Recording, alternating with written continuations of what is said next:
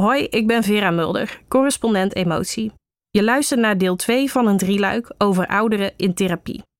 Het eerste deel ging over wat het met je doet om 80 jaar te leven met een onbehandelde stoornis of trauma. Dit tweede deel gaat over waarom ouderen met psychische problemen vaak nog niet de juiste hulp krijgen. Je hoeft je wekker niet meer te zetten. Je bent met pensioen. De dagen strekken zich voor je uit en je hoeft alleen maar te doen waar je zin in hebt. Zalig toch? Maar die vrijheid betekent niet voor alle pensionado's blijheid. Ouderen met autisme bijvoorbeeld kunnen juist in de knel raken door zo'n kaderloos bestaan. Neem Bea van 78. Ze krijgt af en toe een buurvrouw op bezoek. Ze mag de buurvrouw graag en koestert hun contact. Toch voelt Bea steeds drie dagen voor hun afspraken al stress. Want de buurvrouw zei dat ze rond die en die tijd zou komen. Betekent dat precies die tijd of vroeger, later? Wat zou ze willen drinken? Moet Bea dat alvast koud gaan leggen? Heeft ze het überhaupt in huis? Moet ze naar de winkel en hoe dan? Ze is slecht ter been. Bea is een oud cliënt van psychotherapeuten Rosalien Wilting en Arjan Fiedeler. Zij namen haar als voorbeeld toen ik ze onlangs vroeg hoe psychische stoornissen eruit zien als je oud bent. Daar schreven ze namelijk een boek over, met de jaren, waarmee ze aandacht vragen voor de mentale gezondheid van 60-plussers. Die hebben net zo vaak psychische problemen als jongere mensen en behandeling is minstens zo effectief. Toch blijven ouderen die psychisch lijden vaak buiten beeld, omdat ze zelf niet snel hulp zoeken en omdat hun klachten vaak onterecht worden bestempeld als dement of dit hoort nou eenmaal bij ouderdom. In mijn vorige stuk sprak ik met de therapeuten over hoe een rake diagnose, juist ook op hoge leeftijd, bevrijdend kan zijn.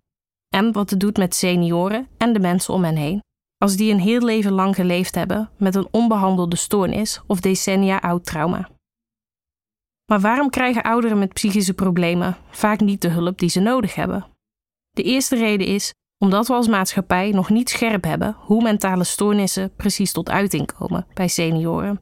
De tweede reden is de rol die leeftijdsdiscriminatie speelt bij het diagnosticeren of eerder het niet diagnosticeren van ouderen. Reden 1. We hebben als samenleving weinig weet van hoe mentale stoornissen zich manifesteren als je oud bent, en daarom herkennen we ze niet als zodanig. Neem Bea en haar bezoekende buurvrouw. Bea is niet zomaar een toppende vrouw. Bea is ook niet oud en lastig. Bea's brein verwerkt informatie anders. Mensen met een autisme-spectrumstoornis kunnen vaak slecht tegen onvoorspelbaarheid. Dat komt omdat hun hersenen afwijkingen bovengemiddeld snel opmerken. Dat kan positief uitpakken, je kunt eigenzinnige oplossingen bedenken of goed een precieze taak uitvoeren. Maar oud worden is bij uitstek een onvoorspelbaar proces. En daardoor lopen senioren met autisme vaak vast. Zij merken het bijvoorbeeld sneller op wanneer hun hoofd of lijf achteruit gaan en maken zich vervolgens drukker dan mensen met een niet-autistisch brein over het onvoorspelbare verloop van die aftakeling. De onzekerheid zelf is niet weg te nemen. Het denken erover kun je volgens de therapeuten in veel gevallen wel bijsturen. En soms kan het probleem ook praktisch aangevlogen worden. Zo stelde de therapeute samen met Bea een e-mail op aan vrienden en familie waarin ze uitlegde: Ik heb een autisme spectrumstoornis en daarom heb ik behoefte aan duidelijke, voorspelbare afspraken. Met de buurvrouw sprak Bea voortaan een vaste dag, tijd en versnapering af. Dat gaf rust. Ook interessant: mensen met of zonder autisme krijgen even vaak dementie. Maar autisme kan er, in combinatie met normale veroudering, wel voor zorgen dat, zoals de auteurs het in hun boek beschrijven, rigiditeit toeneemt. Kortom, dat iemand iets per se op een bepaalde manier wil doen, zeggen of inrichten, zodat het leven overzichtelijk blijft. Die rigiditeit kan, als niet bekend is dat een oudere autisme heeft, makkelijk worden aangezien voor dementie of dwarsheid.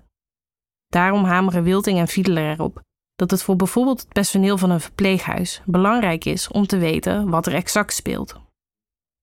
Ze schrijven: Ouderen met autisme kunnen nukkig zijn of angstig als ze met iets geconfronteerd worden dat voor hen onvoorspelbaar of onlogisch is. Een goed bedoelde opmerking als: Ik kom later vandaag nog een keer terug, kan al veel spanning geven. Wat is later? En als men niet komt, wat dan? Het kan dan helpen om een vaste tijd af te spreken of om andere termen te gebruiken. Hoe beter we snappen hoe iemands brein in elkaar steekt, hoe minder diegene hoeft te lijden. Zoals het brein van iemand met ADHD. Dat is sneller afgeleid dan een brein zonder ADHD. Het stereotype beeld van de zesjarige stuiterbal kan iedereen oproepen. Maar niet elke vorm van ADHD, ongeacht leeftijd, zorgt voor druk gedrag. En oude ADHD'ers razen dus ook niet per definitie door het verpleeghuis. Sterker nog, volwassen ADHD ziet er vaak heel anders uit dan ADHD bij kinderen, met angstklachten, depressies en fikse slaapproblemen bijvoorbeeld. Zoals bij Mario van 69. Hij is ook oud-cliënt van Wilting en Fiedler. Mario heeft twee rechterhanden en bouwt decors bij de lokale theatervereniging. Hij is intelligent, maar omdat hij zich nooit ergens lang op kan concentreren, heeft hij geen diploma's gehaald. Zijn eigenwaarde heeft hij voor een groot deel opgehangen aan zijn handigheid. Maar met het ouder worden krijgt hij last van artrose, waardoor klussen lastiger wordt. En hij slaapt slecht, omdat zijn gedachten altijd doorrazen. Mario wordt enorm angstig bij het idee straks niks meer te kunnen met zijn handen. Wat is dan nog zijn nut? Met deze angstklachten komt hij terecht bij Wilding en Fiedler, die de diagnose ADHD geven en met een test zijn hoge intelligentie vaststellen.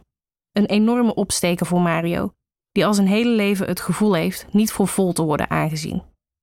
Medicatie en een groepsbehandeling voor ouderen met ADHD zorgen er vervolgens voor dat hij weer slaapt en dat hij zich kan verzoenen met de realiteit dat hij fysiek steeds minder kan. Hij maakt het bespreekbaar bij de theatervereniging, stopt met zelf bouwen en begeleidt nu jongere mensen bij het maken van decors. Reden 2 waarom senioren niet de juiste hulp krijgen heet ageism, vrij vertaald leeftijdsdiscriminatie. Die term kan in theorie twee kanten op. Ook jonge mensen worden wel eens gediscrimineerd op leeftijd. Maar in het geval van mentale gezondheid zijn het vooral ouderen die te maken krijgen met vooroordelen die behandeling of de juiste behandeling in de weg zitten. De overtuiging dat ouder worden nou eenmaal gepaard gaat met ellende en dat daar weinig aan te doen is. Of dat de vraag of het nog wel zin heeft om iemand op latere leeftijd te behandelen. Die denkbeelden spelen niet alleen bij artsen en hulpverleners. Ook ouderen zelf hebben vaak geïnternaliseerde negatieve opvattingen over ouder worden. En die denkbeelden hebben dan weer een negatief effect op de gezondheid. Zo halen de therapeuten in hun boek een onderzoek aan waarin mensen 20 jaar lang gevolgd werden. Daaruit bleek dat degenen met positieve opvattingen over ouder worden, na die 20 jaar, lichamelijk en psychisch gezien gezonder waren en langer leefden dan mensen die vooraf negatieve opvattingen hadden over ouder worden. De mensen met positieve opvattingen onderhielden meer sociale contacten en leefden gezonder. Mensen met negatieve opvattingen over ouder worden gingen minder vaak naar een arts, omdat ze het idee hadden dat het toch niks zou uithalen. Natuurlijk is het met zulke onderzoeken lastig bepalen wat precies oorzaak en gevolg is, maar de samenhang is volgens Wilting en Fiedler duidelijk. Ageism heeft enorme gevolgen voor de zorg. Therapeuten, artsen, praktijkondersteuners en ouderen zelf hebben vaak lage verwachtingen van hun mentale aanpassingsvermogen. Zo zochten depressieve ouderen die hun symptomen toeschreven aan hun leeftijd ruim vier keer minder vaak hulp bij hun huisarts dan ouderen die hun klachten toeschreven aan een psychische aandoening. En dat is zonde. Want ouderen die ondersteund worden bij hun mentale problemen zijn daar minstens zo goed mee geholpen als jongere mensen. Of het nu gaat over het herkennen en erkennen of behandelen van de mentale problemen van ouderen, door het hele boek van Wilting en Fiedler galmt één boodschap. Het is niet te laat. Het is de missie van de correspondent om voorbij de waan van de dag te gaan. Onze correspondenten voorzien het nieuws van context en schrijven over de grote thema's van deze tijd. De correspondent geeft me de vrijheid om mijn nieuwsgierigheid te volgen en de tijd om verhalen te schrijven. En zo probeer ik onzichtbare structuren zichtbaar te maken en een andere kijk te bieden op debatten die het nieuws domineren. Dan gaat het minder over het spelletje en veel meer over wat er op het spel staat. Vanaf dag 1 zijn onze artikelen, boeken en podcasts gefinancierd door onze leden. Volg ons op onze journalistieke zoektocht. Overweeg eens lid te worden van de correspondent. En maak daarmee samen met ruim 70.000 anderen onze onafhankelijke journalistiek mogelijk. Dus word lid van de correspondent. Ja. Word lid. Word lid.